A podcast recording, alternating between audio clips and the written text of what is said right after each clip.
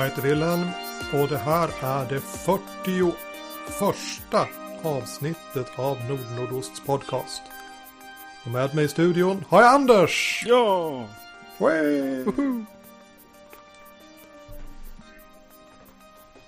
Eh, det var ju fantastiskt roligt. Ja. Eh, på ämnet saker som inte är fantastiska roliga, som inte är fantastiskt, inte är fantastiskt roliga. Så har vi eh, döden, cancer och grejer. Eh, och det pågår just nu en eh, Kickstarter om detta. Den i rollspelskretsar välkände Tove Gillbring har cancer. Och Anders Gillbring vill ta ledigt för att skriva rollspelsgrejer tillsammans med Tove eftersom det är det som Tove vill göra. Så han har en Kickstarter där man då kan sponsra för att han ska vara hemma istället för att vara på jobbet. Mm. Mm. Kort sagt, jag tog och eh, läste igenom eh, den där. Eh, Det träffar ju ganska hårt, måste jag säga. Ja. Ja. Ja. Det är två tunga namn i rollspel-Sverige. Eh, som vill bränna av fyrverkerierna och skriva spel. För att hon har cancer igen, alltså inte första gången heller. Utan Nej. det är rätt illa. Eh, och vi har ju inte några nyheter som kan mäta sig med den verkan som det slog ner i rollspels Sverige med. Sådär, men ändå, har det hänt något sen sist Anders? Sedan sist, eh, sen sist har vi hunnit ha grottröj nummer 20. Och eh, som vanligt så kom det massa folk att spela spel. Eller massa folk, men eh, 25-30 brukar vi då. Eh, och det var väl någonstans där omkring den här gången också. Som vanligt så hade vi nya ansikten. Det är det jag tycker är så jätteskojigt. Att på något vis så är det alltid någon som aldrig har varit på grottröj förut som dyker upp. Och, Har, eh, har ni listat ut hur de får veta att det finns ett grottröj? Nej, inte i alla fall. Eh, jag, jag frågade, en, en deltagare tog jag frågade hur, hur det kom sig att han hittade dit. Eh, och han hade bara fått en tips på något vis om att det typ var någon sorts grej. Så att ja, han har inte Facebook, han har ingenting sånt där. Utan någon har sagt någonting om att det var något. Eh, och han ville nog bara typ testa rollspel tror jag. Eh, och nyfiken att prova egentligen den senaste versionen av Dungeons Dragons, femman som är ute. Och vi spelar liksom retrovarianter och gamla versioner. Så det var ju egentligen- kanske inte egentligen vad han var ute efter men eh, eh, det skojiga är ju här att den här deltagaren tror jag också eh, höjde vårt eh, högsta tak så att säga, eller vårt, vårt, vår högsta deltagarålder. Han var född 61. Så att eh, det, det är ju bara jätteskojigt. Han eh, var med på fredagen när jag eh, och några stycken till provade och kände lite grann på en kommande grej till, eh, till Svärd och Svartkonst. konst. en göteborgare som sitter och jobbar på ett som heter Nordmän. Där man då spelar sudovikingar och vad kan man då ljushalvor och, och eh, mörkeralver och sånt där. Och det, det är ganska skönt fluff på de här. Det blir lite grann som Trudvang, Trudvang done right för Svärd och Svartkonst för min smak då, så att säga. Jag valde att spela handskiftare. Och det hände väl aldrig att jag faktiskt blev vargen jag kunde bli. Eh, vi kom inte så långt i äventyret sådär. Eh, tiden sprang iväg för oss. Men det smakade väldigt bra. Eh, jag ser fram emot att se, se mer av vad det, grejen, vad det blir för någonting. Eh, äventyret verkade rätt coolt också.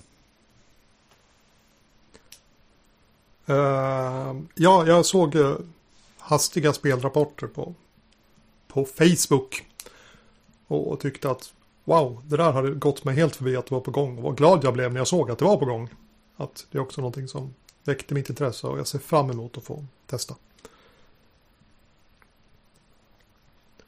Eh, själv har jag inte fått spela rollspel. Jag har ett, eh, ett spelpass nästa helg om allting, om stjärnorna står rätt även då. Men jag har spelat eh, det här dataspelet The Long Dark. Om den här eh, frusna kanadensaren. Och då tänkte jag på rollspel. För det gör jag ofta. Eh, Han har nu kommit eh, upp sig så i världen att han är på ett ställe som inte bara är skog utan han är som i folks hus och lotar för att de har åkt därifrån. Oj då. Fick du ett plums där? Nej. Eh, och han kan bära 30 kilo. Ja. Så jag, jag, jag finner mig som, som sådär lotandes i någons hem och bara Ska jag ta det här tillbehörskit, alltså sybehörskittet eller ska jag ta en chokladkaka? Hmm. Vad, vad kommer jag behöva mest? Alltså chokladkakan är ju mat. Fet, bra mat liksom. Sybehörskittet kan jag använda för att laga mina vantar ifall de blir utslitna. Och att vara utan vantar i kanadensisk vinter är ju fruktansvärt dåligt. Ja, onekligen. Ja. Eh, och då, så jag har gått runt och tänkt på det där att det är som Resurshanteringen är inte vad kan du ha egentligen, alltså vad, vad har du råd med, utan vad kan du släpa på. Mm. Och det är ju lite, lite lockande, alltså i, i, i, i senare Dungeons sådär så dyker det liksom upp, ja men det är magiska föremål så här. Jag kan, kan välja mellan ett plus ett svärd och ett plus tre svärd så är ju plus tre svärdet bättre så jag tar det liksom. Men om, om vi backar till tidig old school och, och, och tänket med att man är någon sorts utforskningsluffare sådär. Ja men ska jag ha ett rep? Ska jag ha ett vattenskinn? Vad, vad kan jag bära med mig? Jag hittade en skatt. Coolt. Vad ska jag ta med mig ur skatten? Det här, vad har bäst liksom värde-vikt förhållande? Mhm. Eh, och det var lite lockande att slippa bry sig om, eh, om pengar när man gör gubbarna. Ja, ta, ta de prylar du kan bära. Vi ses, ser ifall du kommer ut härifrån levande. Ja. Ja, eh, sånt, sånt tänkte jag på, på tal om OSR. Då ja, men just. Ja, eh, bärförmåga och hantering av utrustning. Det, det tror jag är något ämne som vi kommer kunna stöta och blöta i rollspelsvärlden i mm, många år till. Det lär inte dyka upp någon magisk eh, lösning på det där. Många som funderar på vad man ska göra. Ska man sitta och eh, liksom redovisa eh, vad heter det? Belastningspoäng heter det i Drakar Mm. Eh, Eller kilon eller de här varianterna som kör. Du kan eh, bära visst många föremål. Och vissa, vissa typer av föremål. Typ en, en ask tändstickor är ju inte ett föremål i sig. Utan den, den går bort så att säga i den, den räkningen. Ja, så det finns Ja, det, försök. det, det gör det ju inte, det gör det inte i, eh, i det här spelet. Då. Men jag har fyra askar tändstickor. Jag klarar mig nog med en. Jag kommer att hitta fler tändstickor tills den är slut. Och så lämnar jag tre askar tändstickor bakom mig. Mm. Sådär. Mm. Eh, För att, ja, ha med mig en läderbit så att jag kan laga mina kängor ifall de går trasigt. Då. För att man måste ju ha skor på sig i den kanadensiska vintern, för annars är man rökt. Ja, jo. Ja, det är som lite, lite mikromanagement sådär. Ja, men visst. Eh, trevligt. Och jag har sett norrsken. Det var också trevligt. Mm. Eh, jag har blivit uppäten av en varg. Det var inte lika trevligt. Eh, eh, sådär. Men det är vad jag har spelat sen sist. Och jag har gjort soppa. Jag har inte gjort någon soppa. Vad, vad? Nej, vi- får prata dubbelt så mycket om min soppa då, då kanske. Ja, men precis. Eh, för en vecka sedan så gjorde jag pulled pork. Och det vart en jätteklump. Jag trodde att vi skulle spela rollspel hemma hos mig. Och sen så blev det inte det. Så att jag hade då eh, eh, åtskilliga portioner eh, Mm. pulled pork gjort i förväg då. Sådär, så att det, det räckte under hela veckan och det räckte eh, över helgen. Och då på eh, igår så tittade jag på den. där. Ja, då var det en, en, inte en portion kvar utan en och en halv portion sådär. Ja.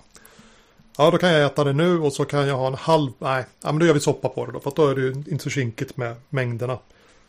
Mm. Så att jag gjorde typ köttsoppa fast på pulled pork-rester. Och det var gott. Ja, kan jag tänka mig. Men när jag, när jag ändå gjorde det liksom på rester så gick jag igenom eh, kylen och sa vad har jag något mer som är en rest och jag kan ha i en soppa. Och då hittade jag en burk med eh, så här turkiska inlagda grönsaker. Och i den fanns det några röda frukter. Och Jag reflekterade inte så mycket över det där, annat än att jag brukar ju peta dem här åt sidan, men jag stoppar dem i soppan. Så att det blev en het köttsoppa. Ja. Eh, Blir den för het? Eller? Nej, den var inte för het, men det var, det var, det var bra flås. Bra oss. Just. Bra flås. Ja, det, man får väl tänka lite grann på vad man stoppar i som sagt. Eh, och julen är runt hörnet, så jag har nu gjort årets senapskok. Mm, just, just. Mm. Vad, vad var det du, du kokar själv ja och så. Det här har vi pratat om förut på, i, i podden också tror jag. Det har vi gjort förut. Ja. Det, men nu minns Ja. jag inte, är det konjak du brukar ha?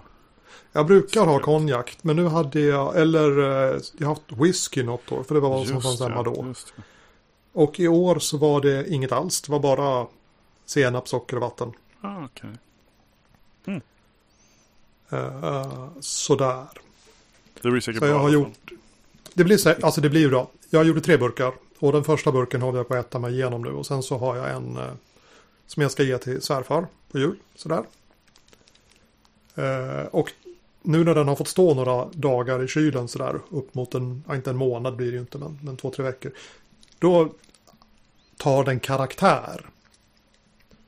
Och när man då öppnar den här burken så är det inte helt olikt tårgasen som jag stiftade bekantskap med i lumpen.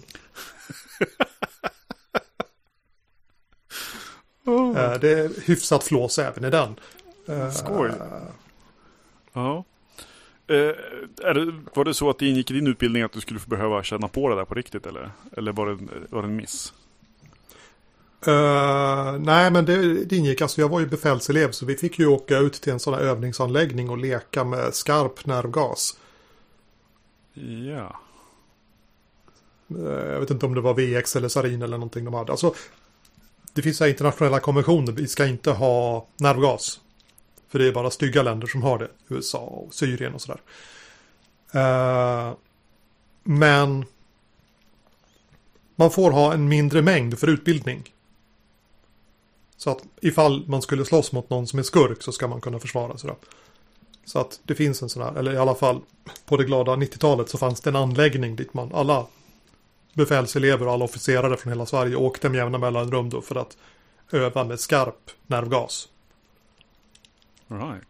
Och då innan man fick öppna burken med den skarpa nervgasen var man tvungen att gå in i otroligt hög densitet så här tårgas för att märka ifall det var någon som hade problem med utrustningen. Ja. Som en säkerhetsåtgärd så blev man tårgasad alltså. Det var eh, pedagogiskt och bra.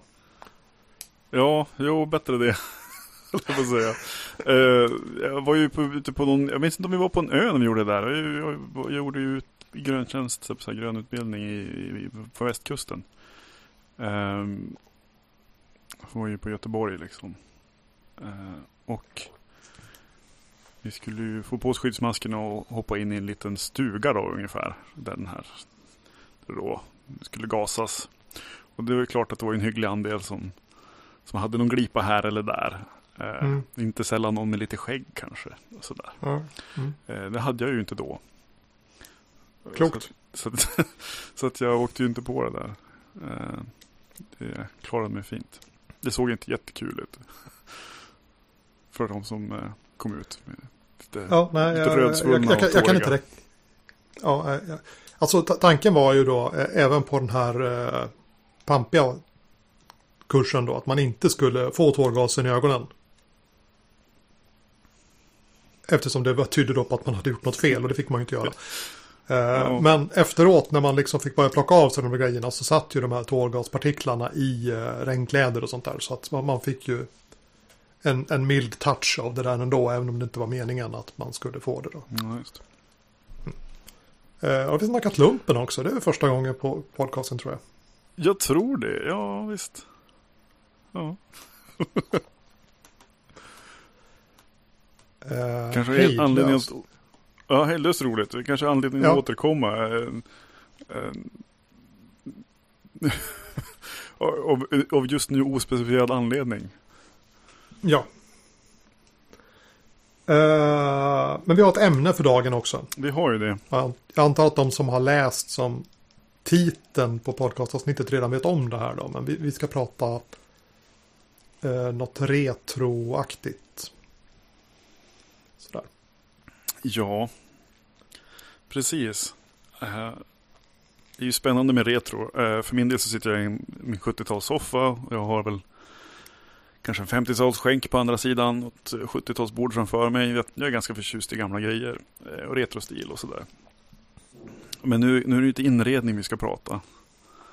Utan lite andra saker. Ehm, det har ju blivit en hel del prat om OSR och Old School Renaissance och, och gamla DND och sånt här. Ehm, men det är ju så att du har ju lite av ett projekt att eh, utforska vad svensk Old School skulle vara. Eh, jag tror att vi har berört ämnet lite grann tidigare. Jag sitter och säger tror hela tiden för jag minns inte exakt vad vi pratar om för att vi pratar så himla mycket. Uh, ja, ja. Uh, alltså, jag, det, alltså diskussionen har nog pågått i mer än ett år. Om man spolar tillbaka tiden i den här OSR-gruppen så har jag frågat mig. Ja, men OSR, det är coolt, det är old school. Men det är amerikansk old school. Och vi tar glädje av den liksom. Men den är inte i egentlig mening en återblick på den svenska rollspelen, rollspelsbarndomen. Därför att även om Dungeons and Dragons både översattes till svenska och spelades på engelska där under 80-talet. Så den stora massan av de gamla rollspelarna kom in i hobbyn med eh, Drakar och Demoner. Mm. Och jag menar att det är en helt annan typ av rollspel än Dungeons and Dragons. Och därför är, då inte... Ja. Ja, ja avsluta din tanke. Ja. Och, och därför är då inte OSR representativt för rollspel så som det spelades i Sverige förr. Även om det finns folk som spelade på det viset då också. Liksom. Men, men överlag då. Utan vi har något annat. Och eh, jag har ju haft diskussion om vad detta skulle kunna kallas. Och jag tror att rollspel.nu då bestämde att det heter klassiskt svenskt rollspel. KSR. Mm. KSR. När, när man tittar på den här biten, eh, jag känner på en gång när, när, vi pratar om det här, jag är helt med på tanken att, att eh, med, med Drakar och Demoner så blir svenskt rollspel, det, det, det lägger sin annan fåra ganska snabbt. Eh, det är ju också så att DND i, i äventyren där började glida åt andra håll eh, jämfört med hur modulerna såg ut tidigare också, alltså under 70-talet liksom, och, och, och även bra bit av 80-talet. Eh, men jag tycker det är intressant att tänka att eh, när rollspel kommer till Sverige är ju DND som följer med hem folk som har varit i USA liksom och sådär.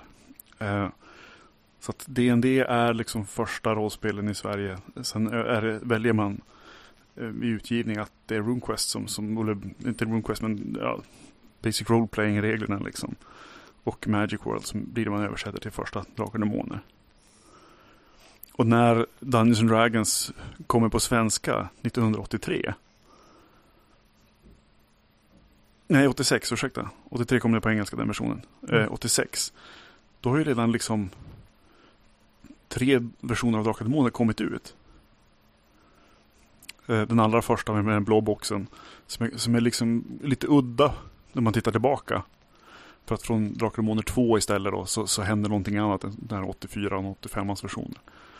Eh, så ser det helt plötsligt ut på ett helt annat vis. Man har lagt om och fixat en del och känner igen grunden till det som är ett klassiskt svenskt rollspel liksom, på ett annat sätt.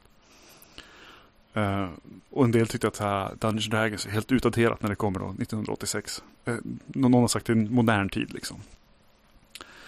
Och jag tycker det är lite intressant för att samtidigt internationellt så är ju det jättestort.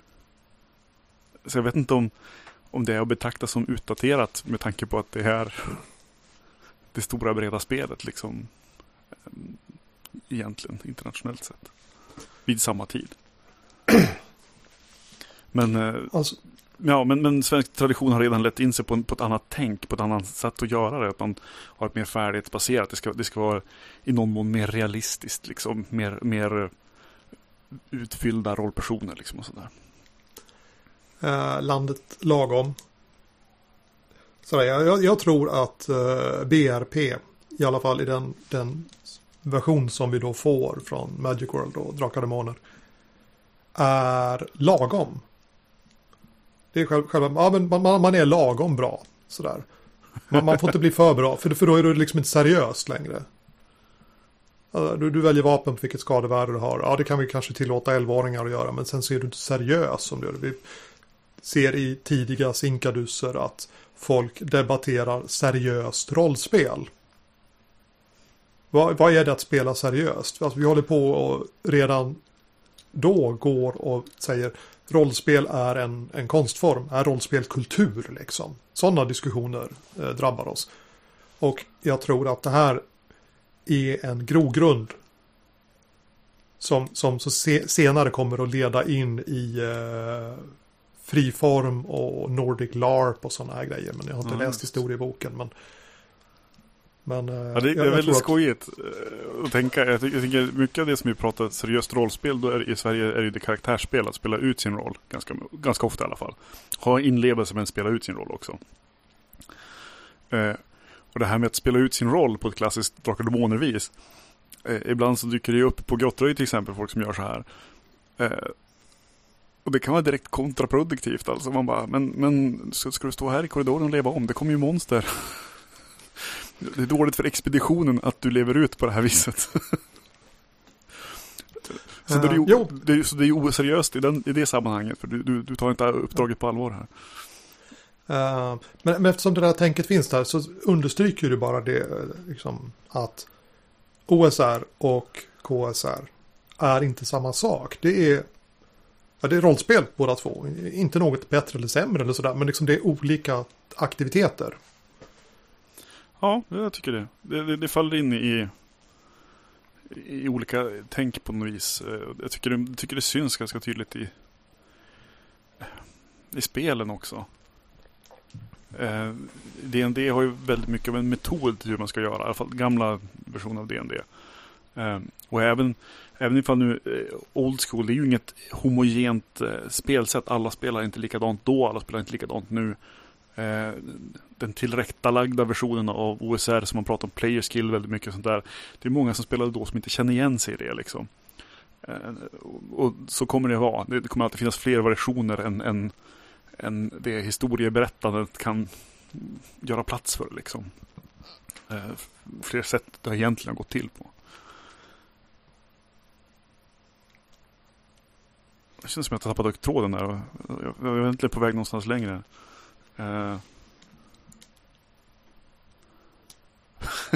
Ja, det, det, det kändes så. Uh, tyvärr kan jag inte avsluta din mening där. Nej, just.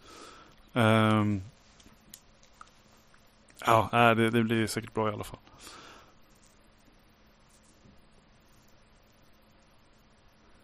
Uh, traditioner, där, där, där. ja, ja, sak samma.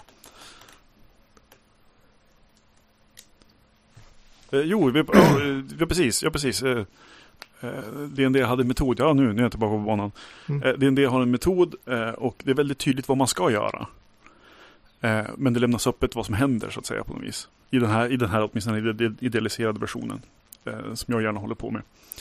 Eh, Medan flyttar man sig in i det som, spelstilen som då är ett klassiskt svenskt. Eh, då kan det ibland vara så att eh, det är väldigt fritt vad du gör. Men ett äventyr är ganska ofta ganska tydligt, skrivet ganska tydligt vad som ska hända. Mm. Så det är liksom, de går lite tvärs emot varandra på något vis där.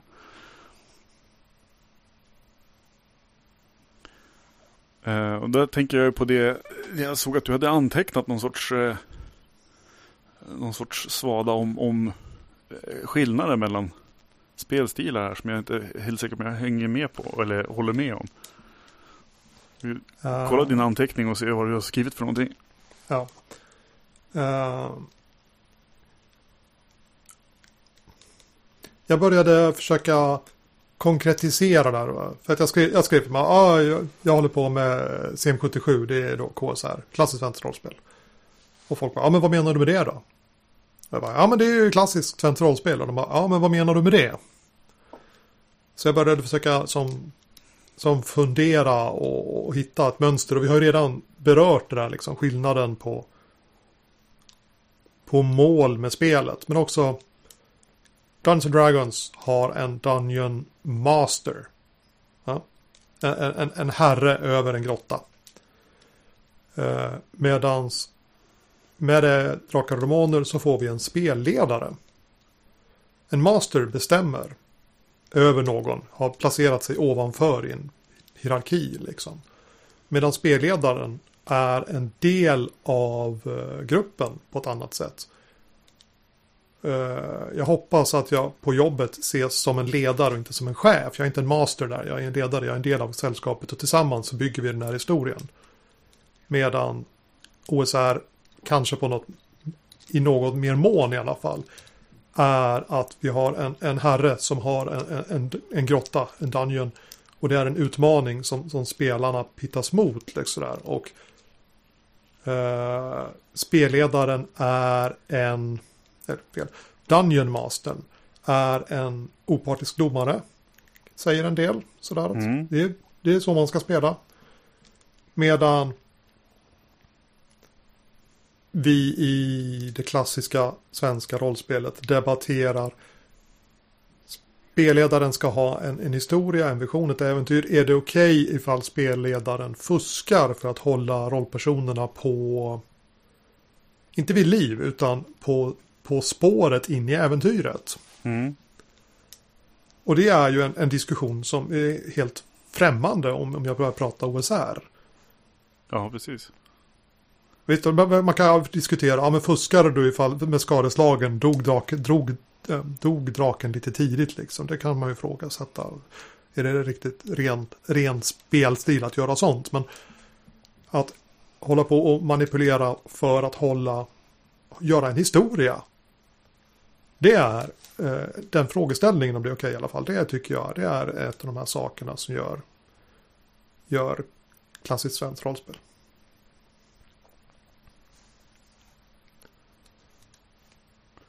Ja, det, jag, ja. jag är med på allting du sagt där.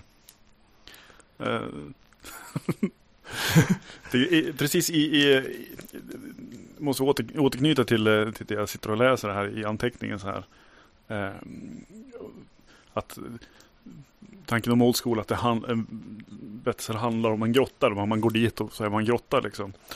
Och sen att KSR eventuellt handlar om rollpersonens handlingar. Står det här i anteckningen eh, spelledarens äventyr.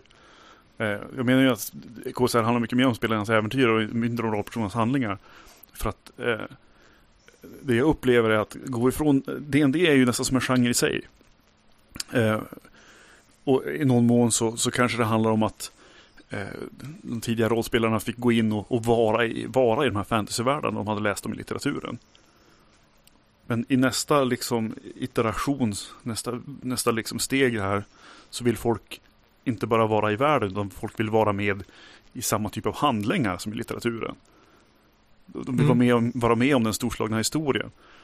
Eh, det pratas ju mycket i rollspelskretsar ibland om att, om, om liksom Saga om ringen. Eh, som, som någon sorts, som att man skulle vara en sån berättelse.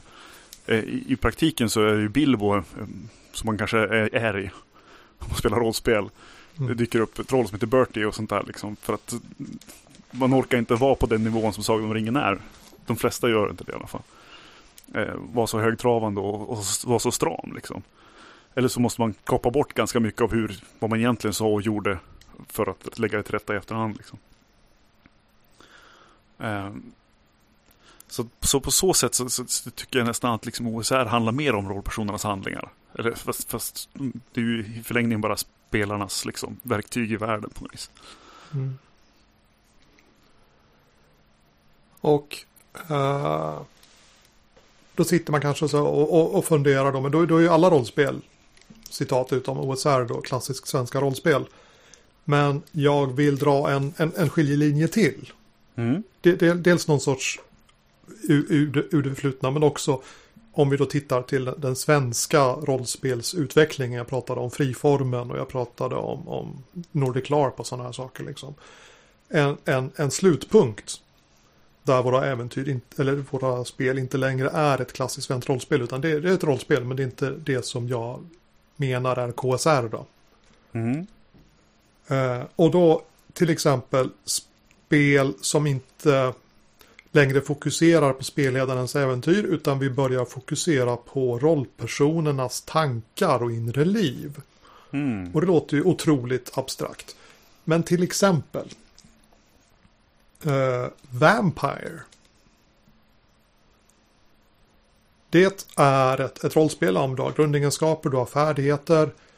Eh, men det handlar liksom egentligen inte om det. Utan det handlar om ett, eh, politiskt spel och rollpersonernas inre kamp med det här eh, monstret som finns inom, dig, den inom sig, den här hungern efter blod. Eh, Mm. Som då, det är ju väldigt tidigt det här spelet, Vampire, det är ju ett gammalt spel, har vi pratat om förut, men det är ett spel som vill vara ett uh, hippie samberättarspel. Men fortfarande inte har, eller ännu inte har metoderna för att vara det spelet. Utan det står kvar i traditionell regelmotor men försöker vara något annat. Och det är väl en av det spelets brister tycker jag. Det är samma sak med Kult. Mhm, Precis. Om vi, om vi backar, backar till den gamla, gamla versionen av Kult. Ja.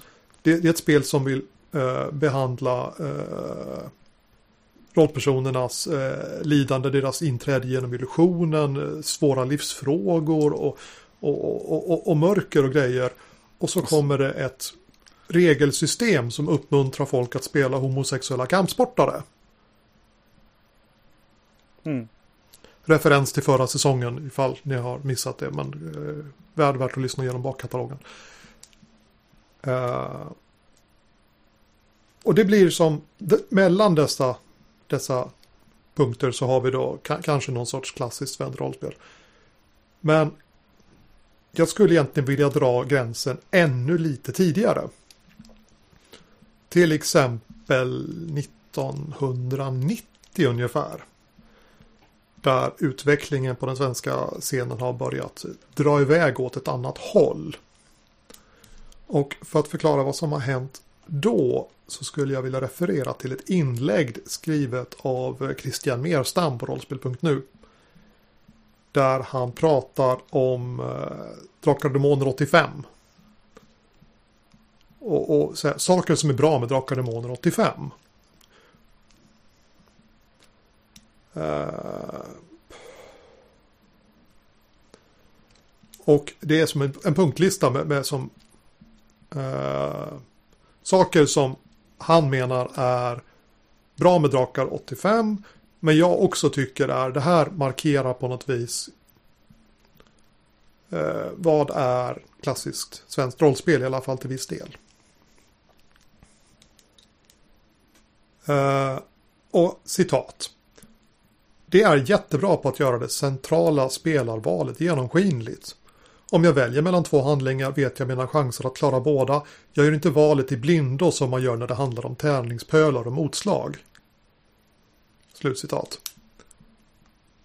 Och där har vi ju som till exempel Vampire. Som då i och för sig lite, lite, lite senare men tärningspölarna och i Drakar och Demoner hade vi en procentchans. Hoppa och klättra 47.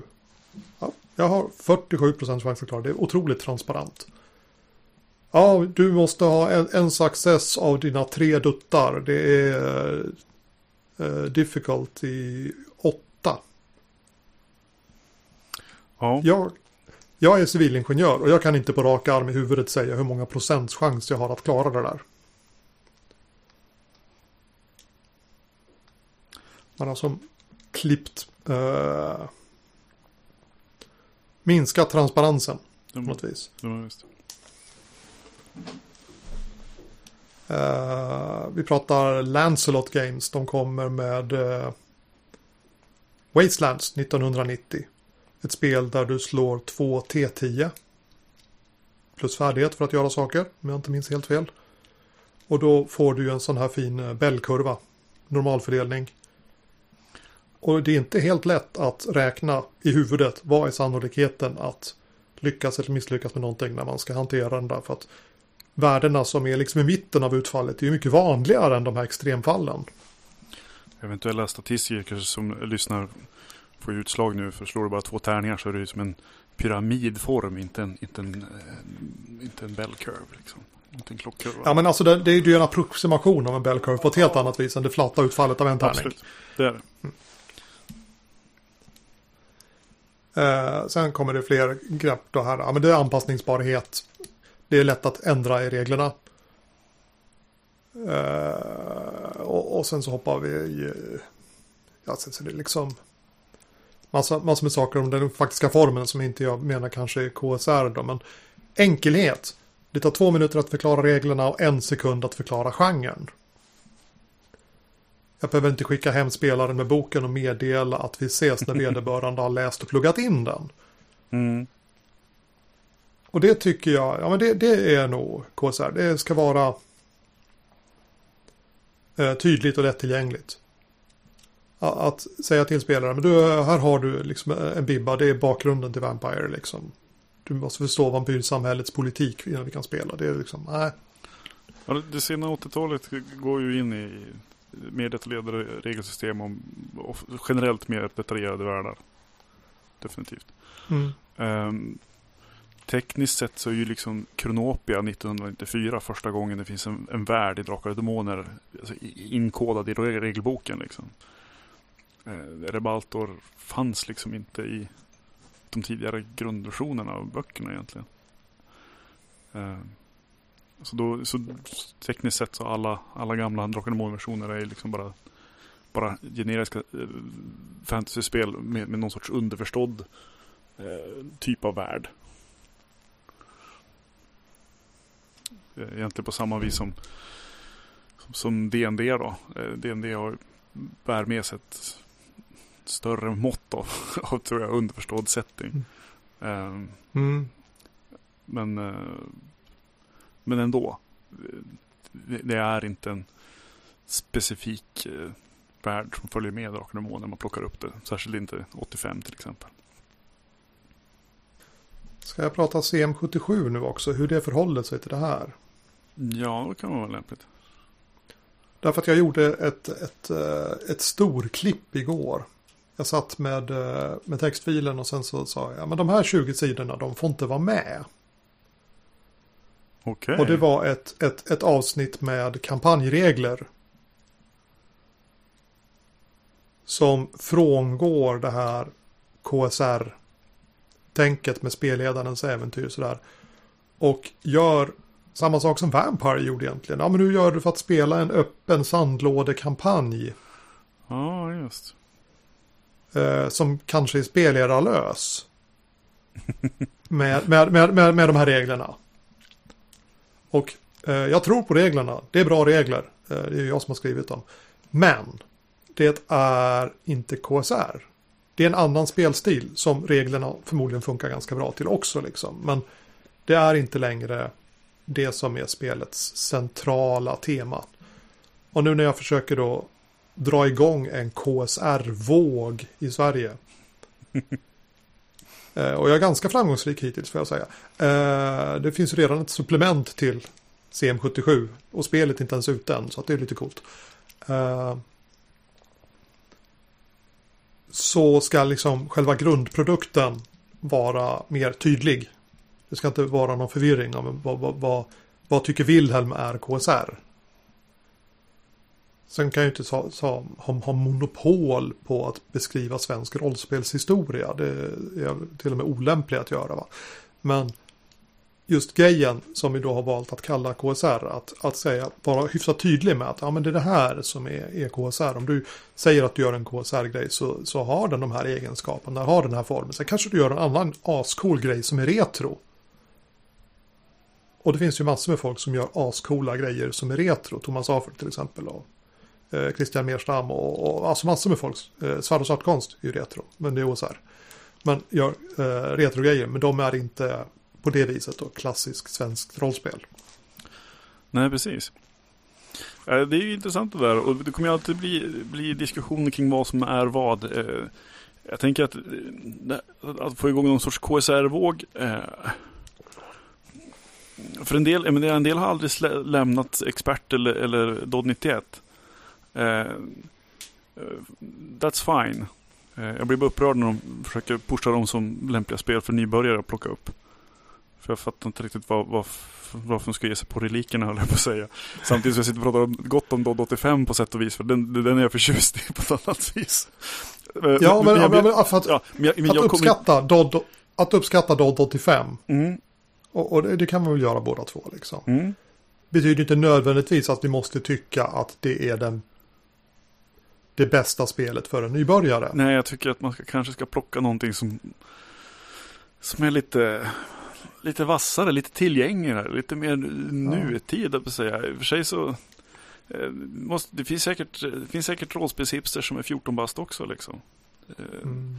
och tycker att det är ballt att köra så. Och jag nu ser ju bilder, senast idag tror jag såg en bild på, på någon under 10 år som, som höll på att göra rollperson till Dodd 85 tror jag det var. Faktiskt. Eh, så va, och får de den introduktionen, that's fine. Men ska du sätta någonting i händerna på dem? Jag vet inte, jag, jag är ju partisk för Hjältarnas tid till exempel. Eh, och det var lite dit jag var på väg för en stund sedan. Här. Jag tänkte komma in på när vi pratade om vad så eh, klassiskt svenskt rollspel kontra retro vad är vad sådär. Eh, för Hjältarnas tid har ju till exempel, precis som, som järn då, som det bygger på, gjort sig av med själva grundegenskaperna till exempel. Eh, Och det är ju en stapelvara eh, för att rollformuläret ska se ut som, som det gjorde liksom. En gång i tiden, när- för att basic roleplaying ska, ska lysa igenom väldigt tydligt för en del. Eh, Jag saknar dem inte nämnvärt där eh, i Hjältarnas tid till exempel. Där har de istället gjort styrkeprov till en färdighet. Ifall du prompt måste liksom slå för att se om om du orkar lyfta en grej. Så det, det finns en färdighet för det istället för att eh, du ska ha ett värde specifikt för att se hur stark du är grovt taget på något vis. Um, för jag, jag kan tycka ibland att uh, ur någon sorts speldesign-synpunkt att, att grundegenskaper och färdigheter uh, att det är svårt att jämka dem med varandra liksom på något vis. Det är två olika världar som, som och ibland så ska liksom den ena bara inte användas men vara en sorts grund till hur den andra ligger till liksom. Att färdighetsvärden ger hur, hur bra du är i start på, färd, på säga, grundegenskaperna ger hur bra du start du är på färdigheter. Men sen, sen rörs de inte. Och ibland så vill man slå grundegenskapslag eh, sådär men ta grundegenskapen gånger fem och plötsligt vara uppe på, på samma skala. Men, men hur förhåller sig en tränad färdighet liksom till en rå talang? De, det tu bör kanske inte mötas liksom. Mm. Ehm, Det är ju ett klassiskt problem. Du är inte den första som, som brottas med det där. nej, precis. Ja. Eh, eh, jag har ju gjort en hel del grejer till Saga. Eh, förstås. Eh, bloggat en massa om det där. Och spelat det ganska lite egentligen. Eh, men jag har ju ofta sagt det att Saga ju ser ut, i praktiken är det ganska mycket som Drakar och Demoner 91. Du ska slå T20 istället för T100 liksom. Och du vill komma under, komma under 14 till exempel. Eh, men Saga bygger på, på till stor del på tänket från Dragon Warriors. Det brittiska lilla spelet som kom i pocketform. Kom i en nyutgivning i normala rollspelsböcker så att säga. Eh, sen, eh, och där, där tar du ju och kör en, kör en tvåstegsraket istället där du har grundegenskaper och sen lägger du på din färdighet. För att komma upp i någonting. Så har du nio i grundegenskapen, då är det högt liksom. Eh, och så lägger du på fem från färdigheten och då har du 14 att slå mot. Så att i praktiken ser det väldigt mycket ut som Drakar Demoner liksom. När du väl kommer ner till färdighetsraden. Det är bara att har du inte färdigheten då, då har du de där nio att slå mot. Och, Mm. och då ligger de, då, då plötsligt då har man liksom löst ett problem där lite grann. Det, det löstes ju i eh, Vampire också till exempel. Där man fick tärningar från grundegenskapen och man fick tärningar från färdigheten. Och så adderar man de tärningarna. Ja, mängden precis. tärningar fått slå. Liksom. Och då får ju grundegenskapen en mycket större roll än vad de får i, i klassisk basic roleplaying. Då. Mm, jo men precis. då har vi väl förklarat eh, KSR och satt det i perspektiv. Så då är det väl bara att folk börjar debattera detta. Och ställer följdfrågor och går in i definitionskrig ifall Enya är rave för dig eller inte. Ja, kanske det. Eh, Jag tänker på, på ehm, eh, du som var lite av ett expertkid så här nu då. Eh, Går, går KSR ihop med experter överhuvudtaget? Ehm, jag är lite kluven. För att, för att för, från, från ren, ren tidsperiod så gör det ju det. Det kommer före 1990. Ja. Ja, Eh, Man spelade typ samma äventyr med expert som man gjorde med Drakar och Demoner. Det är fortfarande samma spelstil. Men man har gått över till T20.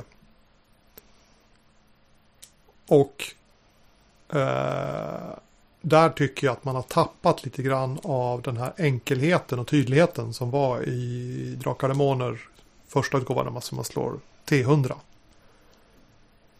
Och då, vän av ordning säger ja men det är bara gånger 5. Men om jag säger ja men jag ska slå 17 eller mindre för att lyckas med det här. Då måste jag pausa och så räkna. 17, hur många procents chans är det då? Eh, 15 är 75 och så är det två mer än det. Okej, Okej, men då har jag 85 procents chans att lyckas med det här. Medans i, uh, i tidigare versioner så står det liksom oh, 85. Klart. Och då Mm. kan väl expert fortfarande vara eh, klassiskt svenskt rollspel. Visst. Men eh, det börjar närma sig kanten där vi har gjort en, en i vissa avseenden en förenkling men som inte är eh, bara är en förenkling utan den är också en eh, den höjer liksom komplexiteten lite grann. Det blir mindre siffror men de blir jobbigare att räkna med. Ja, svårare att förstå kanske vi ska säga. Ja, ja okej, men svårare att förstå. Lättare att räkna med. Det är lättare att plussa Ja, tvåsiffriga, precis. låga tal än tvåsiffriga stora tal. Det har jag- har du rätt i. Jag, tänker på det sättet. Ja, för det, det, är, det är några år sedan nu när jag eh, till slut så han kom in, det, det nämnde ju Merstam tidigare, han har ju pratat, pratat mycket gott om det här med procenttärning till exempel och flera stycken till som gjort det också ett par år. Eh, när det till slut trillade in i mitt huvud också hur, hur, hur faktiskt tydligt det är med, med procenttärningen. Jag, jag spelar ju väldigt, väldigt lite spel med procenttärning liksom. Men jag har, det, det är någonting som känns, känns, lite lockande liksom på något vis. Eh, och, och fiska lite grann efter. Men du, en, en fråga när det gäller KSR. Eh, jag tänker på liksom, de få gånger jag har spelat Saga till exempel. Och så tänker jag tillbaka på så jag, har ju inte, jag har ju liksom inte varit inne i den perioden. Jag spelade ju liksom inte rollspel på 80-tal. Eh, jag spelade inte särskilt mycket 80-tals rollspel heller på det sättet. Eh, de här klassiska svenska. När, när ni körde, hur mycket tärningsrullade ni egentligen? Hur mycket, hur mycket liksom var någon gång ibland och sådär? För att när jag spelat Saga så, så vid något tillfälle så spelade vi två spelmöten. Och jag fick i princip pressa fram så att vi kom upp i sex tärningslag liksom. Eh, Annars... vi, vi, slog, vi slog mycket mer än så. Mm? Det gjorde vi. Å andra sidan så fastnar man ofta som spelledare i det där problemet. Ja, slå fina dolda ting, ingen lyckas. Shit. Eh, här är ju min ledtråd.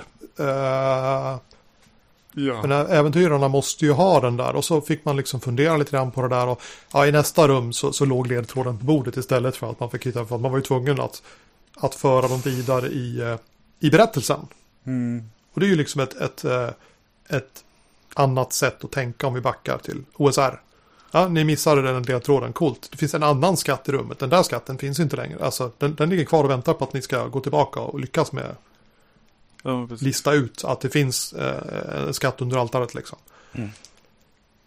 Precis, för, Eh. för det är ju det här. eh, det- är ju kanske det, det klassiska Call of Cthulhu-problemet. Om, om, ingen, om ingen lyckas så, så kör äventyret fast då liksom. Ja, verkligen. Och, och, och det är ju en, en del av, uh, av genren. KSR på något vis. Och det är ju också lösandet av det där problemet är ju grogrunden till vårt, eh, vår friform. Där man bara, ja men om, om vi slår Finna dolda ting då kommer rollpersonerna att fastna. Mm. Mm. Alltså ska vi inte slå finna dolda ting, utan rollpersonerna hittar det här när spelledaren bestämmer att de gör det. Vi lägger bort reglerna och då har vi tagit steget in i, i, i friformen. Det här är jättestort på 90-talet. Systemlöst. Eh, skällsord för vissa eh, och eh, ett samlande baner för andra. Eh, men, men, men det kommer ju som en reaktion på det här problemet att det är jättesvårt att skriva äventyr där spelarna inte riktigt, eh, man inte har kontroll över spelarnas lag. Mm. Precis. Eh, det är ju skojigt, Call of Cthulhu är så tydligt för att Call of Cthulhu ger upphov sen till Trail of Cthulhu.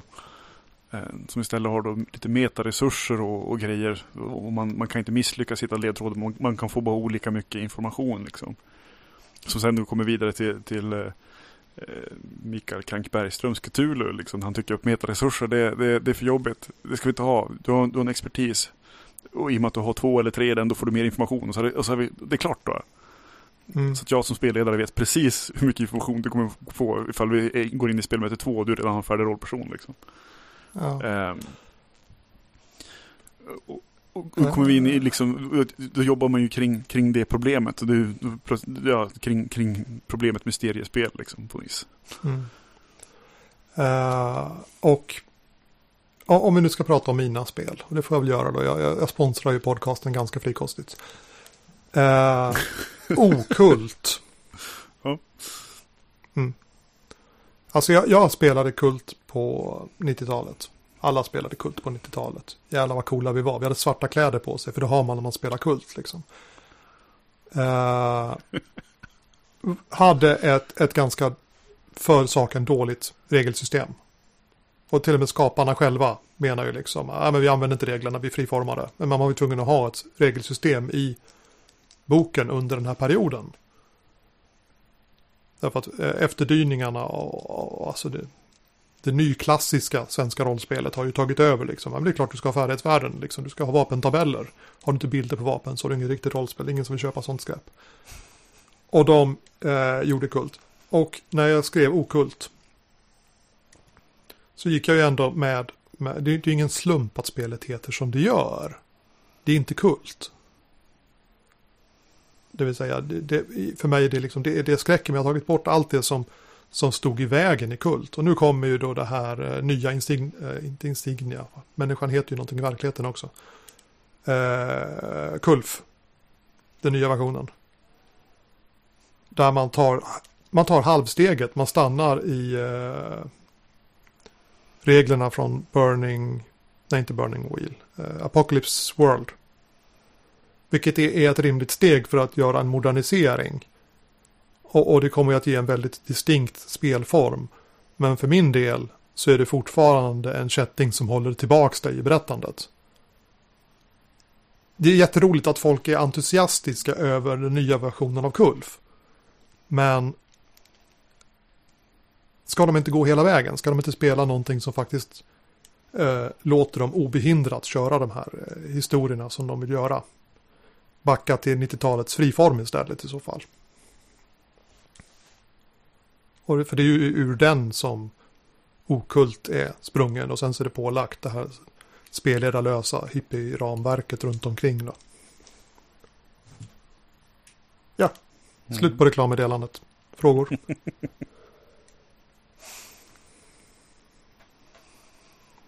Mm. Alltså jag tror att Kulf blir jättebra. Och det, Det, kommer... tror jag, det tror jag också. Jag tror att, jag tror att det där kommer skrivet för att, för att Apocalypse World, de här. Jag, jag, jag vet ju att jag är mer förtjust i de spelen än vad du är. Eh, Och har spelat en del Monster Hearts till exempel. Tycker det är riktigt bra och tycker att det är det välskrivet så, så driver det spel på vissa vis. Eh, och det, jag förväntar mig att det kommer vara det. Men det kommer inte vara samma sak. Eh, eh, I Eh, i friformen så finns det något form av trevande. Eh, kan finnas i alla fall. Eh, som definitivt, alltså okult är jättestarkt på det här trevande elementet. För att där, där finns det ju ingen, verkligen inga regler att falla tillbaka till och ingen spelledare heller riktigt. Så, där, så där är det väldigt mycket känna in och sådär. Eh, Eh, det skapar vissa, vissa typer av stämningar tycker jag på, på ett väldigt bra sätt. Där är det meningen att vi ska bygga på varandra. Och, sådär. Eh, och det här trevandet eh, jag ska inte säga att det gör saker det kan göra det, det, kan göra det läskigare, läskigare liksom. Eh, läskigare, läskigare. Och eh, överhuvudtaget tvinga henne att öppna upp lite grann för, för, för vissa saker och, och, eh, att känna sig lite osäker, lite trevande sådär. Eh, att liksom vara på tårna. Det, det, det blir liksom en annan upplevelse verkligen. Än om det är någon som, någon som kan styra skutan. Eh, och det, jag tycker det är, det är ganska intressant att vara där liksom. Ja, eh, det är ett designmål så det är roligt att det har, har gått fram. Eh, det, det, det forcerar ju in en spelaren i, i skräck, i, i den här obehagliga situationen på ett lite annat vis än vad det traditionella kulfscenariot gör. Ja, alltså så, så, som jag spelade det då och sen så finns det en podcast som har kört det där nyligt. Kanske var det vi spelar rollspel. Och det liknade ju ganska mycket så som, så som vi, eh, vi, vi spelade. Alltså de spelade den typen av berättelse som vi spelade då. Ja, det, det är mörkt, det är elände, det är 90-tal, det regnar. Och sen träder man in i Metropolis och där är det som var och rostiga knivar och, och, och folk utan läppar. Och den skräcken är en annan skräck än, än den, den, den smygande, nära, intima skräcken som kommer i Okult. Mm. Det, är som, det är två olika spel. Eh, på riktigt som, som ger väldigt olika spelupplevelser. Jag blev meddragen på ett eh, alltså klassiskt kultäventyr på, på kultscenario på, på Gothcon ett år.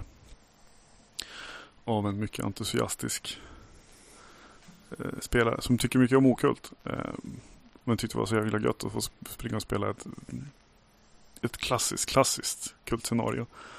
Eh, och det var ju typ friform. Det var ju inte inte gamla kultreglerna liksom sådär. Utan friform. Eh, men, det, men det är tidsenligt som vi har sagt. Ja, liksom. tidsenligt. Liksom. Absolut. Mm. Eh, och, och, i, I det scenariot kände jag, kände jag väl mest att jag sitter och väntar på att det ska hända någonting. För jag har ju ingen, jag har ingen aning vart vi ska någonstans. Utan det är några saker som är lite konstiga. Det känns, jag känner mest en känsla av att vara förvirrad som spelare. Liksom, för jag vet inte vad vi ska, så jag får sitta ha tiden tills det faktiskt kommer någonting jag kan göra någonting med. Mm. Och så någonting, någonting och så blir jag offrad i slutändan. Eh, och så var det kanske inte på riktigt. Ja, kult. så att, eh, jag blev lite så jättehet på det. Just. Så, så då. Eh, så jag vet inte riktigt. Eh, samtidigt så kult blev jag, okult ska jag säga, blev jag så pass tagen med så jag, började så fundera på hur kan jag göra, hur kan man spela så här fast snällt? Så, så jag har ju försökt skriva ett spel för det. Jag har ju inte tagit upp det och gjort så mycket med det. Eh, den här ön. Som... Men alltså jag har ju ön i min bokhylla. Ja, jo, jo. Eh, jag... Har jag ett, ett av få exemplar? För det går inte att köpa ön, eller vad är... Nej, nej, ön är ju inte utgivet. Det är ju en speltestversion okay. 0.1 eller vad det står på den. Eller sånt där. Okay. Okay. Eh, och jag kom ju fram till att efter att ha testat spela där kanske tre gånger kanske, två eller tre gånger testat, testspelat liksom. Att, att det funkar inte som jag tänkt mig. Det blir inte det blir inte så. Utan, utan jag hade ju tänkt mig någon att man skulle dra lappar och så ska man spela liksom eh, den här veckan. Mm, så, så, så är det det här som präglar liksom våra scener lite grann. Och så drar man en, en slumplapp. Och så efter, redan vid andra speltillfället så, så har vi haft en skitbra scen om någonting och sen drar vi en lapp som typ motsvarar den här scenen som vi nyss haft. Mm. Och vi bara, nej det här funkar inte. Vi, vi, måste ha en lista med saker att stryka alternativ ifrån istället. Eh, så att det inte blir så här. Jag, jag kan inte... Eh, ska jag storyprompta så, så måste jag ändå lägga i händerna på spelarna att, att kunna styra vad som passar nu. Eh, istället för att bara ha det random. För att plötsligt så, så har man kommunicerat känslan lite grann, då kanske de är inne på rätt spår i alla fall. Och så plötsligt så blir det tårta på tårta så blir det bara konstigt för man drar, drar lappen som, som vi just har gjort liksom i princip. Eh, och jag tror det funkar. Det, det är ju tanken med ett te, te och mysspel. Man ska kunna spela ett spelmöte Mm. på, på en och en halv timme liksom. Medan man dricker te. Och jag tror att det funkar. Eh, jag har bara inte provat det i praktiken. Liksom. Eh, inte särskilt intresserad. Jag har inte gjort om det liksom. Till det jag tycker att det borde vara istället då. Ja, jag, jag, jag tycker att ön skulle vara helt fantastiskt att, att, uh, att skinna om till Mumindalen rollspel. Det tycker jag är skojigt. Jag har, har, folk jag spe, spelat det med eller pratat med eh, om det här. Eh, så har jag fått lite olika eh, så här inputs på, på vad de tycker att det låter som. Eh, och eh, Mumin är, en av grejerna. Som jag har fått höra från, från, eh, från en annan människa också. Liksom. Som inte håller på med rollspel men bara det här, det här låter som det här. Liksom. Det låter som den här boken. Tycker jag. Mm. Eh, Undrar om det var Kometen kommer eller något sånt där. Mm. Jag, jag, har inte, jag har inte läst den. så, att jag, så jag är inte klar, inte, inte klar på det där. Jag, jag, det ska, jag ska komma till det där förr eller senare. Eh, och någon annan tyckte bara det här känns väldigt, väldigt mycket som eh, Kaurismäkis filmer. För mig var. Eh, och jag har inte heller tittat på det liksom. Men, men det här, jag, jag vill ju fiska i vemodigt vatten liksom. Eh, men jag kommer från, från ett ställe där, där det är typ en väldigt kort sekvens i Battle Angel Alita-mangan liksom är i min inspiration bara. Och kolla, en, typ en fiskeby där folk har det ganska bra och bor i hus på pålar liksom. Där vill jag vara. Och så blir det det här spelet och så blir det någonting annat. Ja, eh, det känns värt att... Eh, jag ska komma, komma ikapp och ta och göra någonting med det där någon gång. Snart, sen. Någon gång efter Hans har tjatat klart eh, och fått, eh, fått mig att göra klart bläck kanske, jag vet inte. Eller skri, lyckas skriva ner det. Jag vet inte riktigt alls. Men jag tycker, jag tycker det är väldigt intressant en sak att eh, eh, min spelkarriär på något vis. Eller spelkarriär, skit i karriär, men min, min spelhistoria går ju från att testa Drakar och Demoner 91 som mitt första spel. Via liksom klassiska vanliga jävla tradspel. Typiska rådspel liksom. Tills 2007 när, när, eh, när hippieflum, liksom, indiespel och sånt där blir en grej. Eh, kommer in i det. Eh, vid det laget har ju eh, hållit på en del med att spelleda på konvent. Där har det varit matinéäventyr som gäller. Jag blir känner mig utbränd på det. Jag tycker inte att det är roligt att veta hur det ska sluta. Eh, och, och bara dra folk dit. Eh, spela indiespel istället. Jag spelar mycket spelledarlöst eh, och tappar liksom bort spelledandet överhuvudtaget. Eh, kommer tillbaka till spelledandet med hjälp av eh, Old School. För att då kommer vi tillbaka igen till att jag behöver inte veta hur det ska sluta. Det är inte, det är inte, jag har ingen story, jag ska inte servera er någonting. Ni, bara, ni ska bara få göra någonting. Och så, och så sitter jag och, och är en länk mellan världen och era handlingar liksom. Och det känns gött. Och, fram till nu när de senaste åren har jag börjat liksom fiska i någon sorts i, i, i typ traddvattnen igen efter, efter någonting som känns liksom öppnare och friare och bara mer sitta och rollspela liksom. Som, jag vet inte, ja men kring 90. Vi har regel, vi har rollformulären men vi står ju tydligen inte så mycket tärningar liksom. Mm. Det känns som att jag är liksom på väg tillbaka lite grann mot det där. Ja, du, har, du har gått ditt, ditt, ditt, ditt, ditt eh, rollspelshjul. Det är som cykliskt. Du, kommer, du började en bit efter där du är nu. Och sen har du gått varvet runt och kommit till, från, från början. Och du är ju på väg mot den tidpunkt där du började. Ja, nästan så ja. Ja. Eh, Lite, lite på det sättet på, på något vis. Ehm, det var någon, någon gång eh, när jag, jag spelade Usagi och Jimbo-äventyr eh, och, insåg att eh, det finns vissa saker jag tycker bättre om än andra när jag spelar rollspel. Och eh, det är att få se avslutade stories och att karaktärsspela. Och indie-grejen kittlar avslutade stories väldigt bra för att det är ofta one-shots, det är ofta fylliga historier liksom. Eh, OSR är ju egentligen ingen av de här sakerna. Men det är väldigt öppet och fritt. Och det tycker jag om. Så det är just karaktärsspels-itchen som jag kanske saknar. som- Det som jag, det jag inte får liksom. Eh, min räknare säger att vi varit igång i en timme och sex minuter.